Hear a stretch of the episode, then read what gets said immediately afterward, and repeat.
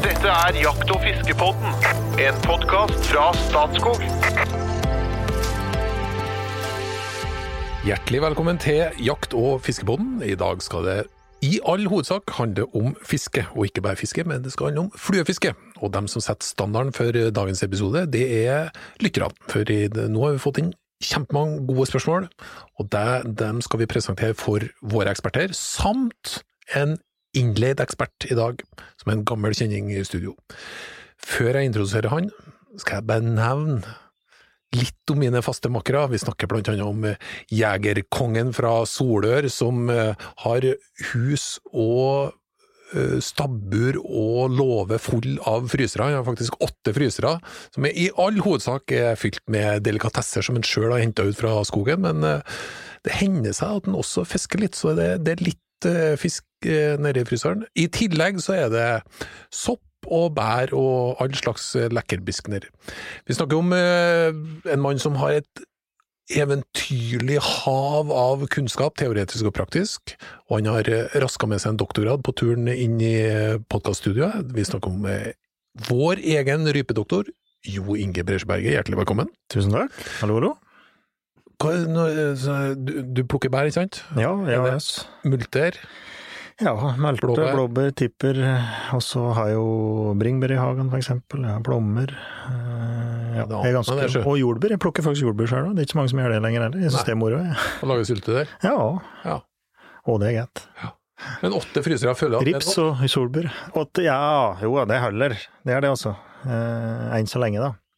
Men jeg plutselig så jeg skal jeg skjære ned en elg, ikke sant, og så for en kompis da, da Det tar jo plass, da. Så liksom bare ha, vite at den har plass i fryseren. Nå skulle du ikke ta med noen hæraprøver til et forskningsprosjekt, liksom. Har du plass i fryseren? Ja, jo, skal jeg jo alltids få klar, klart å få dem nedi, da. Men, men, Ellers Eller så dukker det opp noen rævåte eller noe. men det holder ikke bare med dine frysere, for du har ting rundt omkring til venner og bekjente òg. Ja, jeg har det. Du har det? Jeg oppdaga Broren min drev og redde i han, Det var en fryser som røyk, og så Ja, du har jo disse fjørene dine der, og så var det det ene med det andre, og så bare ok, ja. Det dukker opp noe litt alle steder. Nei, det, det, det er interessant. Det, det, det, det, det, det, det, det som jeg ser stille vann har dypet grunn. Var det ikke en film som het det? Skulle dukke opp flere lik, er det bare å ringe? Og den som var litt frempå nå, det var podkastens verbale kunstner. Han er en litt sånn halvforberedt eh, limerick-konge som slentrer langs livets landevei, der han spiller litt bluesgitar, han lager litt bøker om fiske, han er en forfatter, og han er helt nært det jeg vil kalle en kokk. Vi hadde besøk av en vinekspert, og da viste han helt utrolige kunnskaper om vin. Eh, Det er podkastens egen kunstnersjel, eh, informasjonssjefen i Jegerfisk, Fisk, radiostemmen fra Asker, mister Espen Farstad, hjertelig velkommen. Tusen takk. Jeg har sikkert spurt deg før, men hvor mange frysere har du? Jeg har, eh, jeg har tre. tre. Ja. Jeg har to eh, svære, og så har jeg en sånn eh, skapfryser oppe på kjøkkenet til eh, ja, sånn småplukk som du bruker i hverdagen. Hva har du oppi fryseren? Fryserne?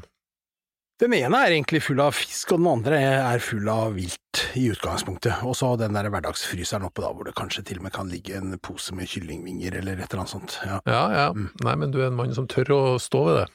Ja. Men, eh, men eh, det er noe du gjør i tillegg, for du er, du er ganske opptatt av eh, kokkekunstene på kjøkkenet. Ja. Og blant annet det å få tak i de rette tilleggssmakene her, for eksempel sopp.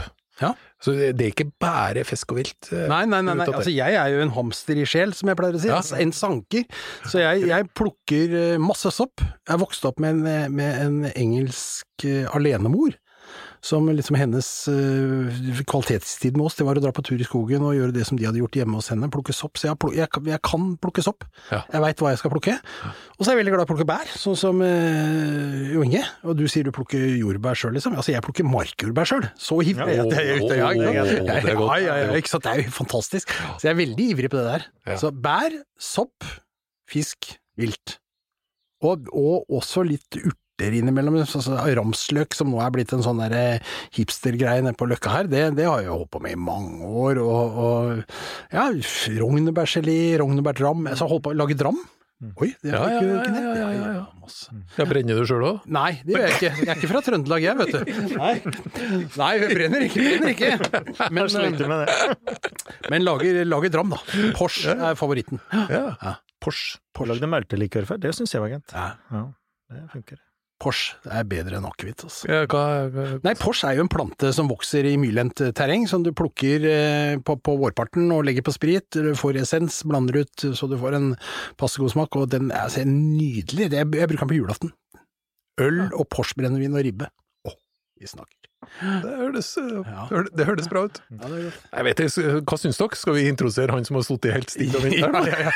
Ja. Skal vi se, Det var Jo Inge med åtte frysere, Espen med tre. Nå snakker vi om en mann med fire frysere, så han legger seg midt imellom. Når det gjelder, Han legger seg også midt imellom, vil jeg si, for han er ganske sånn jaktinteressert. Han jakter god del elg, men også øh, litt fuglejakt. Men først og fremst så er han en fluefisker, og han har enorme kunnskaper, både praktisk og teoretisk. Han er, så vidt jeg vet, landets eneste høgskolelærer i fluefiske. Hjertelig velkommen tilbake til oss, Tore Røyren. Tusen hjertelig.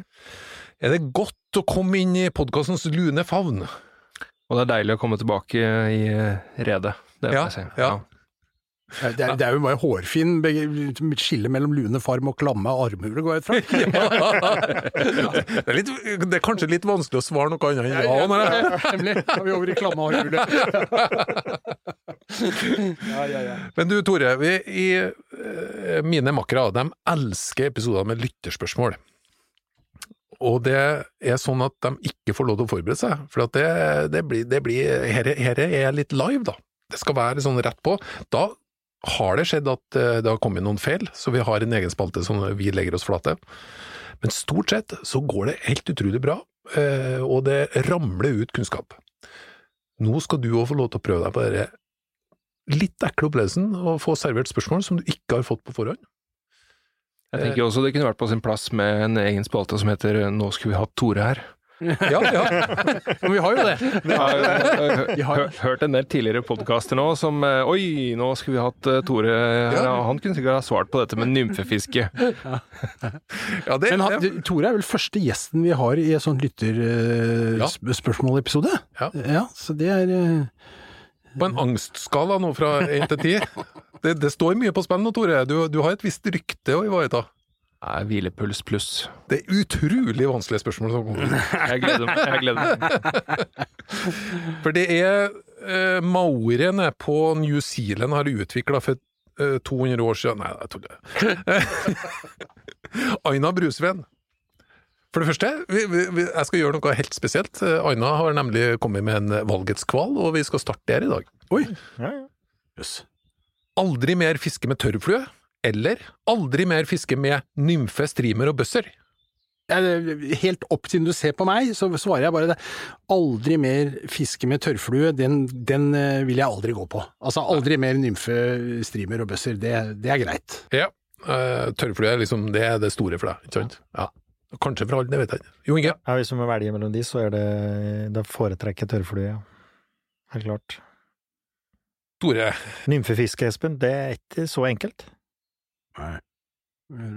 Nei, Jeg går jo motsatt av, av herrene her, eh, Ja. og, og aldri mer tørrfluefiske. Rett og slett fordi at det gir meg tilgang på så mye mer fiske. Eh, nei, tørrfluefiske er ganske eh, Smal. smal. sport som Ja, foregår i, i litt sånn begrensa tidsperioder på enkelte deler av året, mens eh, nymfe, streamer og bøsser kan fiske med hele året, overalt, etter mange arter. Dette er et eksempel på hvordan språket kan farge svaret. Det, er, det er smalt. Altså, Tørrfluefiske er jo spesialisert, vil jeg si, ikke smalt. Ja, Og dessuten så må jeg tilføye at det er jo altfor enkelt å fiske på vakne fisk. Ja, ikke sant. Men Aina hun kom også med et eh, spørsmål. Og Aina, det, det betyr noe. At når du hører det velformulerte spørsmålet som du har kommet med, så sender du inn eh, adresse og telefonnummer faktisk òg, og størrelse på T-skjorta, så får du eh, T-skjorte med en eh, gammeltiur på brystet. Umulig å kjøpe for penger. Så du, nå har du gjort deg fortjent for det. Spørsmålet er som følger. Jeg har kun fisket med flyteline, men er nysgjerrig på å prøve ulike liner. Kan dere ha en liten gjennomgang av ulike liner fra, fra flyt til synk, og når og hvordan de brukes? Intet mindre. Eh, jeg har ikke peiling, men jeg, jeg skjønner jo at ei flyteline, den flyter. La oss starte der. Det finnes ulike typer. Hva bruker du ulike typene til?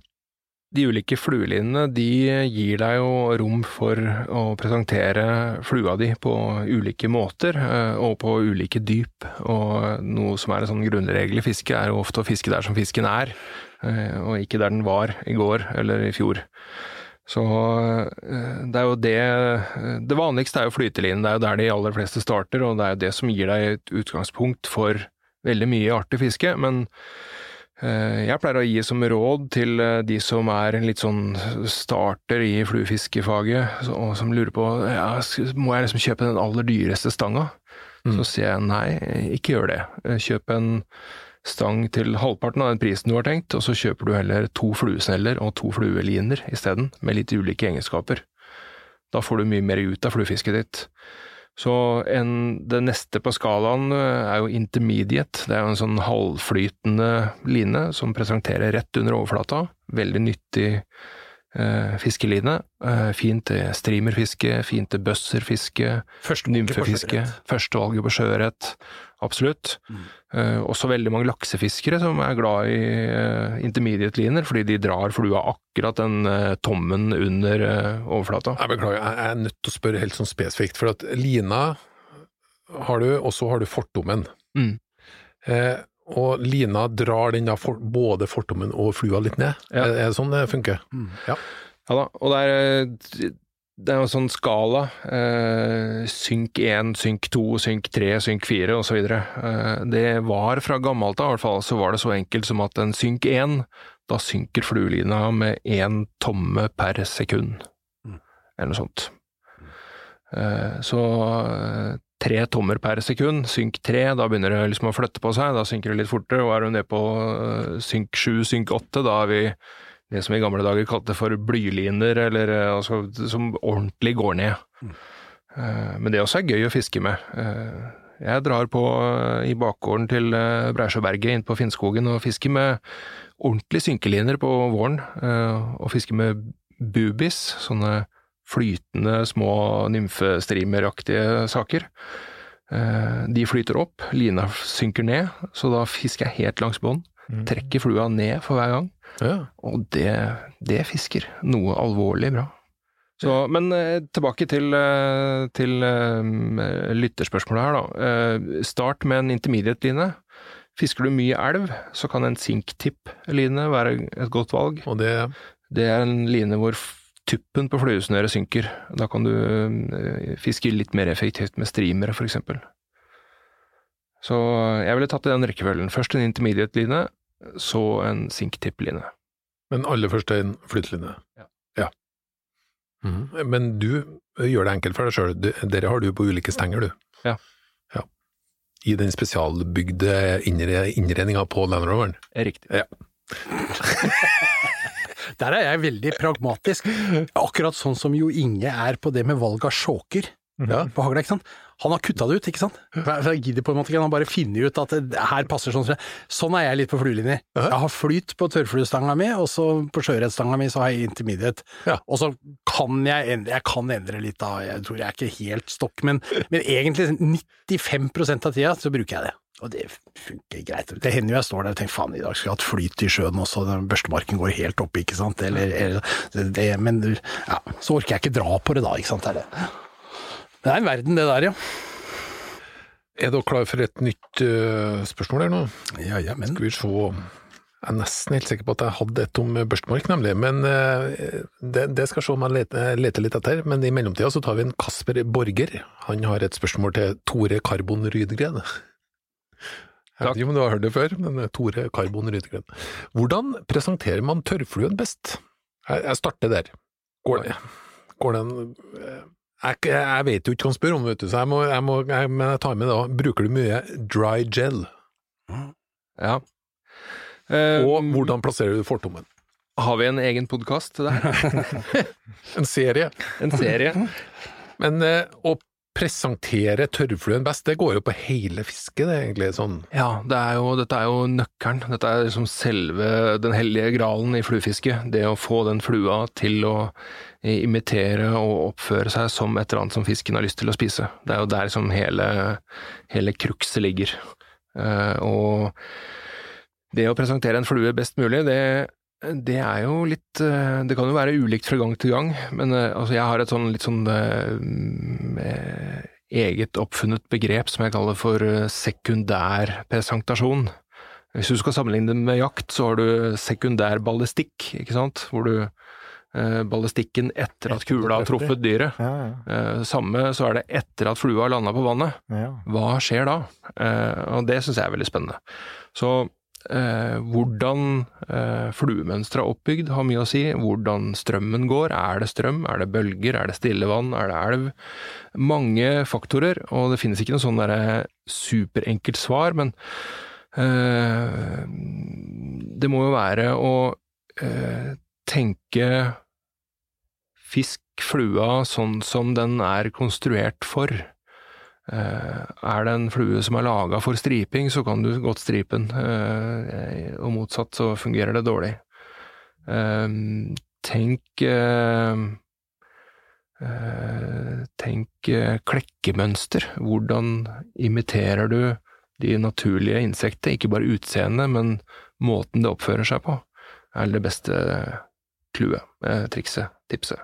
Når det gjelder bruk av eh, kjemikalier på fluer, så er jeg ikke sånn Jeg bruker ikke det veldig mye. Jeg bruker det kanskje overraskende lite. For Jeg får spørre om dry gel, hva, hva er det? ja, det er én type sånn flytemiddel som du kan gni inn Ok. flua di med for å få den til å flyte høyere. Eh, Jeg fisker veldig mye med CDC-fluer, sånn sånn andegompe-fjær-fluer. Og de kan eh, i veldig mange tilfeller bare lufttørkes eh, hardt, og kanskje tørkes med en sånn eh, sopp, sånn Amadou tørkelapp, og så flyter det godt igjen. Så jeg syns ofte at det er nok, veldig sjelden at jeg drar på med noe sånn ekstra flytemiddel for å få det til å flyte noe høyere. Og jeg har også en teori da om at tørrfluer som sitter litt dypt, som sitter litt i filmen, de er mer synlige og lettere, blir lettere tatt enn de som sitter helt oppå. Men, men det, det, det kommer litt an på igjen, da, for jeg har opplevd særlig på vårfluer. Galten, som er et favorittfiskested for, for, for meg, ikke sant? jeg fisker eh, på, på, og det er litt sånn natt, og det er mye vårfluer, eller var i hvert fall i gamle dager, veldig mye vårfluer. Da kunne jeg oppleve at enten så var en type vårfluer som lå litt dypt i filmen, og da var jo typisk en eh, rakkelhann en helt fin, ikke sant? Det er forresten en flue som er helt bygd opp av syntetisk materiale, for å nevne det. ja. Eh, en rakkelhanne, den lå liksom dypt i vannet og kunne være godt. En annen dag så er det liksom en, type, en annen type vårflue som klekker, eller annet som skjer, og da vil du ha en mer høytflytende type europea eller et eller annet sånt, ikke sant? Så det er litt eh, Spørsmålet er jo egentlig helt umulig, men, Ja, ja. men det er jo, jeg er helt enig med Tore, det er jo essensen i fluefiske. Det er jo, altså Du får ikke fisk hvis du ikke presenterer riktig, på en måte. Da kan du ha så fint snøre og stang du vil, ikke sant. Det er jo endeproduktet, dette her, da. Så det, det, det beste tipset er kanskje fortsett å tenke på det, du. Ja, jeg skjønner, for det, det er jo det hele he, alt, alt som skjer er jo en voldsom analyse av forholdene, og hva, hva skjer nå i vannet akkurat nå. Og, så det De beste, er beste fluefiskerne er jo de som stopper opp og som tenker seg om. Mm. De som fisker på rein refleks, eller sånn var forholdet i fjor, de får mye mindre fisk enn de som klarer å stoppe opp og ta innover seg det som faktisk skjer på vannet. ja. Og praktisere, rett og slett. Og, ja. Ja. som du sier, tenke over her, her var det noe, her, herfor lykkes du her. Og, Ikke sant? og bygge erfaring, og ikke minst da praktisere det. Tror dere det kan være et element av et annet fenomen? Har dere sett eh, dem som blir stengt inn eh, på TV, dem som blir stengt inn i et rom, og så skjer det ting i det rommet eh, basert på noe som forsøkspersonen gjør. Det forsøkspersonen hele tida gjør, det er at den prøver å finne mønster ved det som skjer. Prøver å finne årsak-virkning. Men det er 100% tilfeldig, da. Så det, det er noe helt annet. Så når du trykker på A, så kommer det C. Så trykker du på B, så kommer det A, Og det vi hele tida gjør, det er at vi prøver å finne et mønster. Kan det hende at det ikke er så mye mønster i fiske? Det var et veldig langt spørsmål. Kan det hende at vi ser mønster som egentlig ikke finnes? Er det større tilfeldigheter enn det dere prøver å analysere dere frem til nå? Det er et veldig godt spørsmål. Uh, og, og Det kom et nei fra Esme Farstad, men eh, Tore, vær så god. Ja, jeg, jeg, jeg vil jo være tilbøyelig til å tro at eh, du er inne på noe. Uh, For hvis du, hvis du gjør en sånn liten spørreundersøkelse Vi fluefiskere vi snakker jo ofte om det å knekke koden. Det å så finne ut av ok, det, det, dette er det som funker i kveld. Eh, og så er det sånn fordi vi latterlig nok eh, elsker å slå oss på brystet og, og eh, hovere over at vi har klart å lure den der stakkars ørreten med hjerne på størrelse med en ert. Mm. så det er liksom ikke, det er ikke så innmari mye å skryte av egentlig, og, og den kodeknekkinga er, det kan være litt tilfeldig også noen ganger, men du ser jo gjerne at de, de gåseøynene beste fluefiskerne, de med mest kunnskap, de får mest fisk. Det er et helt klart mønster. Men samtidig, hvis du, jeg, for moro skyld noen ganger, så har jeg gått i, i Renaelva om kvelden. Da møter du mange fluefiskere, og så prater du litt, og så spør du sånn Hva har du fått på i kveld, liksom? Nei, jeg har prøvd mye forskjellig da, men jeg, jeg satt på den der spentspinneren her. Da tok dem, ikke sant? Og så går du til nestemann, og så er kommer han med samme historie, men konklusjonen er helt annerledes. Ja. Så, så alle tror at de har eh, knust koden, men eh, svaret er forskjellig, og det er jo interessant. Ja, Det er jo fascinerende. Men eh, det er jo sånn som bringer kunnskapen videre, selvfølgelig det at du hele tida jakter på forklaringer. Men det kan hende at det- det er løpet av å finne forklaringer som egentlig ikke ja, er der, eller at det er feil forklaring. Men jeg syns at, jeg synes at, at altså, altså, Jeg mener at svaret er nei. Altså, jeg mener at det er ikke Det fins alltid en mulighet til å dedusere seg fram til en eller annen sannsynlig løsning på det problemet som du har, nemlig at du skal få fisken til å ta. Og, og det beviset det ligger i at de som er gode til å fiske, de som kan mye og som, som er liksom reflektert på det, de får mer fisk. Nei, ja, vi, vi, vi er vel I, mot, I motsatt fall så er det jo bare flaks og fiskelykke og lotto og hele greia, liksom. Ja. Og da trenger vi vel i bunn og grunn ikke noe jakt- og fiskepod heller. Nei, ikke sant? når, når du hører på denne podkasten igjen, Espen, om en liten stund, da, så Ja. hører du på den, og så tar du spørsmålet litt sånn ordentlig innover deg, så skal du se du når et høyere erkjennelsesnivå. Vei, veien er målet. Altså, jeg, Men- er jo, jeg er jo en person som syns at vi skal eh, tørre å vise følelser, og bruke følelser, og, og uttale oss ved bruk av følelser. Det er veldig viktig, det. For ja. da får du, og ikke minst i en podkastsammenheng, for da får vi engasjerte lyttere og sånn. Men når det gjelder fluefiske, så er det på en måte Det er en intellektuell øvelse. Jeg mener det. Jeg mener at det, jeg mener at det, og det skal det være, for det er en stor glede. Det må ikke være det, du trenger ikke å gjøre det, men hvis du har lyst til å være med på den reisen, så vil du oppleve at det er veldig spennende. Du må se, observere, konkludere og handle deretter. Og apropos det, som du var inne på, børstemark. Henrik Melby Ile, han var inne på, han eh, lurer på børstemarkfiske etter sjøørret. Eh, Har dere noen tips og triks rundt dette? Når, hvor, fluevalg? Ja, og nå kunne jeg da svare nei, det er helt tilfeldig, bare gjør som du vil du, men det, det er jo ikke det, ikke sant, for her er det jo kunnskap. Nei, Nå lurer jeg på om Espen for første gang kunne ha furt i studio. Nei, nei, nei, nei, nei, nei. Det er godt hvis det er første gang i så fall. da. Eller gladfurting. Ja, Ja, Børsmark er, er jo rett og slett veldig spennende, eh, selvfølgelig, for den som driver der. Ja, det er en børstemark. Det er, hva, hvordan, hva, hvordan klassifiserer vi den? Hva heter det for noe?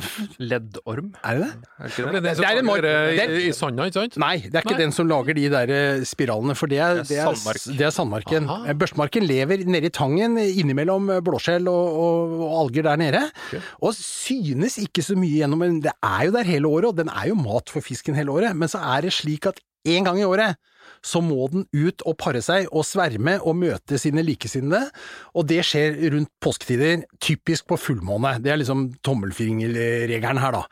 Eh, og da er det jo sånn at eh, den tør jo ikke gjøre dette midt på dagen i noe særlig grad, så dette er en typisk sånn i kvelding, tidlig, tidlig natt.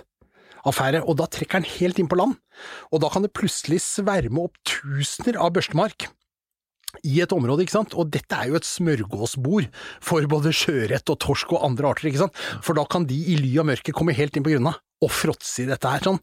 Og hvis du treffer en sånn børstemarksverming, når du står ute på odden der sånn med, med fluestanga, eller slukstanga for den saks skyld, eh, men det er en fordel med flue her da, fordi du skal fiske på veldig grunt vann, og du skal prøve å imitere børstemarkene. De, er, de kan være, altså, de kan være så lange som en fyrstikkeske, og så kan de liksom være helt oppi, ja det sies vel 30-35 cm, Eh, så det er ganske store, og det er mye mat. De beveger seg i buktende bevegelser rundt hverandre i en slags paringsdans inne på grunna der sånn, og så skal du prøve å imitere dette med en flue. For eksempel, da? Og da, da skal du fiske på grunna, skal du fiske sakte. Eh, Du skal fiske ganske høyt i vannet, flytende, det er helt oppe. Du kan, på, du kan se liksom mot ditt måneskinn eller et eller annet gartnerilys i bakgrunnen der, sånn, så kan du liksom se at, at eh, det ser ut som det småvaker på vannet utover, det kan være børstmarken, og plutselig brytes det der mønster, spraglete mønsteret utover der av en voldsomme plask, for da kommer fisken innpå og tar, og han tar liksom to meter foran beina dine. Det er ubeskrivelig spennende. Og du skal fiske da, imitere en børstmarken, da bruker vi jo svære, mørke fluer gjerne, fordi at mot en nattehimmel så vil du liksom ha, fremheve silhuetten så mye som mulig. Eh, og bruker da, ja vi snakka om det i et tidligere program her, om at vi brukte kaninskinn for eksempel, altså en sonker som er et veldig sånn levende, så du får den er litt bølgende bevegelsen da. Eller marabofjær fra marabostorken, som også er veldig sånn, eh, kanskje mye hackel som lager brus i vannet, altså det er mange varianter av dette da. Veldig, veldig morsomt hvis du treffer det.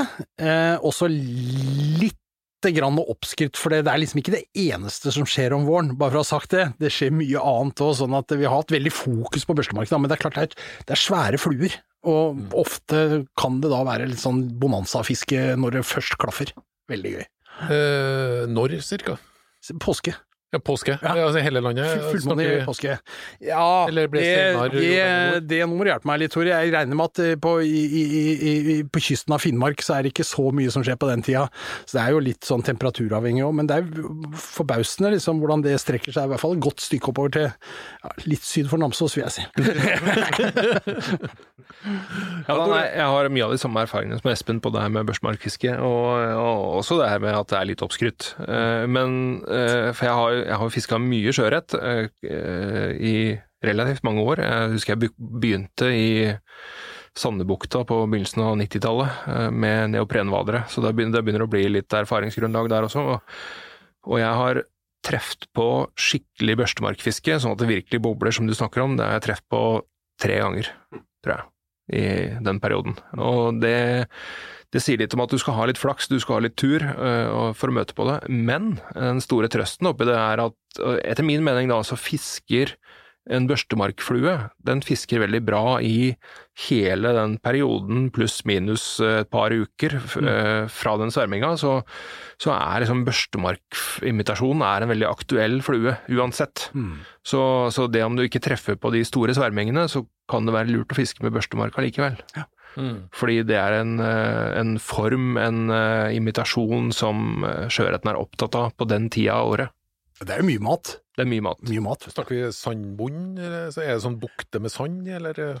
Ofte blanding av sand og tang, tenker jeg. ja, Eh, Leopardbunn er et uttrykk som brukes da, skjønner du. grunne bukter. Du skjønner hva jeg mener når jeg sier leopardbunn? jeg, jeg tror det. altså Det er sånn tangklasa Ja. Litt sånn spraglete bunn, liksom, hvor den Ja. kan liksom svømme litt innimellom og lete etter noe innimellom der, da. Ja. Ok. Badestrender, kjempefint utgangspunkt. Sydvendte. Ja. Ja. Ofte det, for det det er jo ofte en periode av året hvor det kan være kaldt, det kan, det kan legge seg is på natta, liksom i april, ikke sant, men sydvendte bukter som har blitt litt varme opp om dagen, som er én grad varmere enn vannet utafor, liksom, der skjer det. Er det veldig populært? Er det veldig mange som er ute og bedriver børstemark? eh, Ja, det vil jeg, jeg vil si at det er, mange ja, altså, de driver ikke børstemarkfiske, de driver sjøørretfiske, ok. eh, men med Med børstemark. børstemark? Ja. Ja, ja, jeg vil si at det er populært. Det er mange som fisker sjøørret i sjøen. Det er jo blitt egentlig den eh, nye torsken på deler av kysten, men så er det jo også utfordringer med med lakselus knytta til lakseoppdrett og sånn, så veldig store deler av kysten er jo freda for sjøørretfiske nå, dessverre. Eh, på den tida av året hvor dette ellers foregår. Men uh, Bare spette inn en liten Ja, ting til slutt. eh, jeg og noen av mine frender har hatt uh, suksess med flytende børstemarkmønstre. Ja. Altså fiske børstemark med flyteline. Det er ikke så mange som gjør, men det, det funker overraskende bra. At du legger en sånn lita leppe av, av foam eller noe flytende over ryggen på deler av den børstemarkimitasjonen, så at du får den til å gå og stripe litt i overflata, og fiske den på natta. Utrolig spennende, og det blir tatt med ordentlig plask. Ja, en gurgler er jo en variant av Riktig. dette, ikke sant? Ja. En en, gurgler? En gurgler, ja. Det er en flue som rett Ja, men den er lagd på en sånn måte med, med som han sier, en sånn foam-lepp nærmest, som når du drar flua gjennom vannet, så, så bobler og spruter det, liksom. Det lager veldig mye bråk. Gurgler seg bortover. er det, eh, hvis du har lyst til å prøve det her, og ikke nødvendigvis sette deg og binde deg sjøl, er, er det noe du får tak i på en eh, velassortert eh, jakt- og fiskebutikk? Det er det. Og på det store internettet også, så får du kjøpt sånne ting. Eh, Flytende børstemark, litt usikker eh, om jeg har sett det i handelen, men eh, i hvert fall vanlige børstemarkimitasjoner, det får du kjøpt. Men hvis du, hvis, du, hvis du har en svær børstemark som er lagd av Marabou, da, for eksempel, Fjær, og du har flyteline på, så går den jo helt, vil den jo gå helt opp i overflaten, egentlig. Og et par eh, vanskelige valg. Rekkefølge Espen, Jo Inge, Tore. Finnskogen eller Finnmark? Finnmark. Finnskogen. Finnmark. Ok. Uh, ja, enkelt. Alltid stå på første rad på alle DDE-konserter, eller aldri delta i første uka av jakta. Nei, jeg er offer i første uka av jakta. Jo Inge, vær så god. Nei, jeg reise på konsert. Ant meg det. Kan få bli med, du? Ja, Tore. Ja, jeg står lett over den første uka av jakta og fisker isteden. Maken til folk, altså. Men uh, kjempe det, Vi, Vi skal, skal kose oss, vi. konsert. Jo Ja, skal, vi skal på konsert, vi. uh, vi skal ta med et uh, brunørretspørsmål. Igjen, brunørret, det er da ikke sjøørret, ikke sant? Brunørret, det er sånn innlandsørret, er det? Ja, Men vi har man snakket om det det- mange ganger, det er jo samme fisken, da. Ja, ja, men eh, når man sier brunørret, så tenker man på ørret i det er en ørret som ikke går ut i havet. Da har vi det. Eh, Det er Espen Strøm Nordmann eh, som takker for en fantastisk podkast. Det er ukas høydepunkt og en glimrende start på fredagene. Det er veldig hyggelig at du sier, Espen.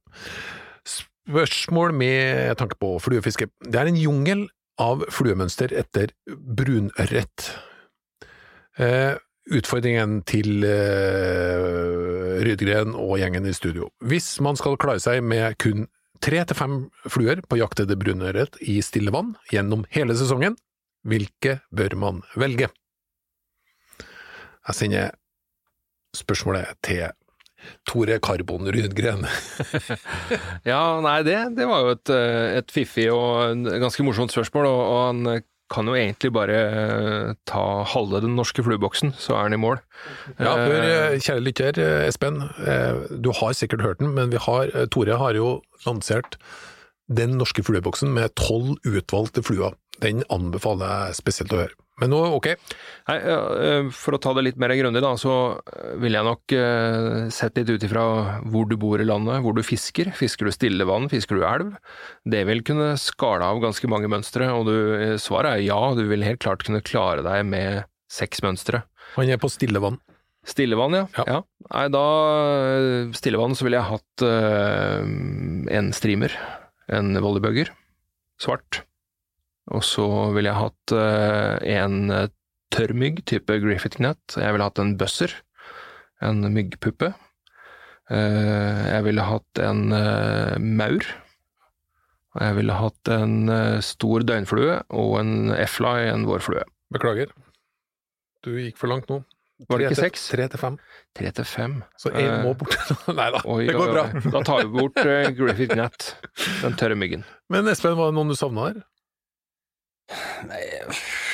nei, altså jeg kunne godt, jeg kunne fint klart meg med det. Jeg, jeg skjønner jo akkurat hvordan Tore tenker og dekker opp, liksom. Jeg ville kanskje pælma ut den streameren da, for jeg er ikke så opptatt av det fisket i ferskvann. Jeg bruker jo det mye. Jeg, bruker jo hele våren bruker jeg jo streamer i fiske etter sjøørret. Så jeg er litt sånn streamerlei når jeg kommer der jeg har på meg småsko og kortbukser og sommer og tørrflue, liksom. Det er det hører sammen når vi kommer dit. Men eh, nei da, så jeg, altså, jeg ville hatt, jeg ville hatt superpuppaen, og så ville jeg hatt en uh, tørrflue dønn grå nummer 14 for å liksom å dekke opp sånn midt på treet der. Jeg ville hatt med maur, helt opplagt. Jeg ville hatt en, en, en mygg, og jeg ville hatt en liten døgnflue klekker, tror jeg. Da tror jeg jeg hadde vært der. Jeg jeg skal sende spørsmålet til deg òg, Jo Inge. Ja, jeg stoler på ekspertisen her, da. Men uh, maur og superpuppen i hvert fall, da, ville jeg ha hatt med til de. Men uh, jeg, jeg må jo stole på Tore her. Men du ville vel også tatt med et våpen i tilfelle det var noen jaktmuligheter samtidig? Ja, det kunne jo ei gjedde som var akkurat der. Jeg. Jeg leser en dag, er det er ikke lov til å fiske med dynamikk lenger. Har du hørt for tull? Nei, men supert. Faktisk så har vi allerede nå kommet til veis ende. Eh, Dere som har fått spørsmålene lest opp, husk på å sende melding inn. Det er en litt rotete podsjef som ikke greier å holde oversikt over hva som blir brukt i sendingene og ikke, så eh, vi, vi trenger en ekstra melding om, eh, med adresse og telefonnummer og sånt, og størrelse på T-skjorta. Har du lytterspørsmål til hva som helst, egentlig, så er det veldig artig. Det er skikkelig, skikkelig artig å lage lytterspørsmål-episoder på alle, alle både fisk og, fiske og jakt. Før vi fader helt ut, så skal vi ha en liten hot or not, og rekkefølgen er Tore, Espen, Jo Inge. Er du klar? Fiolin, hot or not? Not. Hot. Hot. Munnspill, hot or not? Hot. Hot. Hot. Trekkspill, hot or not? Not. Hot. Ja, hot, faktisk. Hot på Jo Inge og Espen. Ja. Det er jo et av kjerneinstrumentene til trønderrocken, dere, dere vet det? Ja. Kjempebra, veldig bra gutta, vi fortsetter. Artisten Tix, hot or not? Not. Not. Not. Artisten Bruce Springsteen, hot or not? Not. Hot. Han er ganske god på munnspill. Nei. Oh, han er det. Hva du sa for noe? Sa du Jeg hot sa hot. hot. Hæ? Jeg sa hot. Hot. Okay. Jeg sa not. Lærstøvler, hot or not? Hot. Hot. Not. Møkkboots det går i.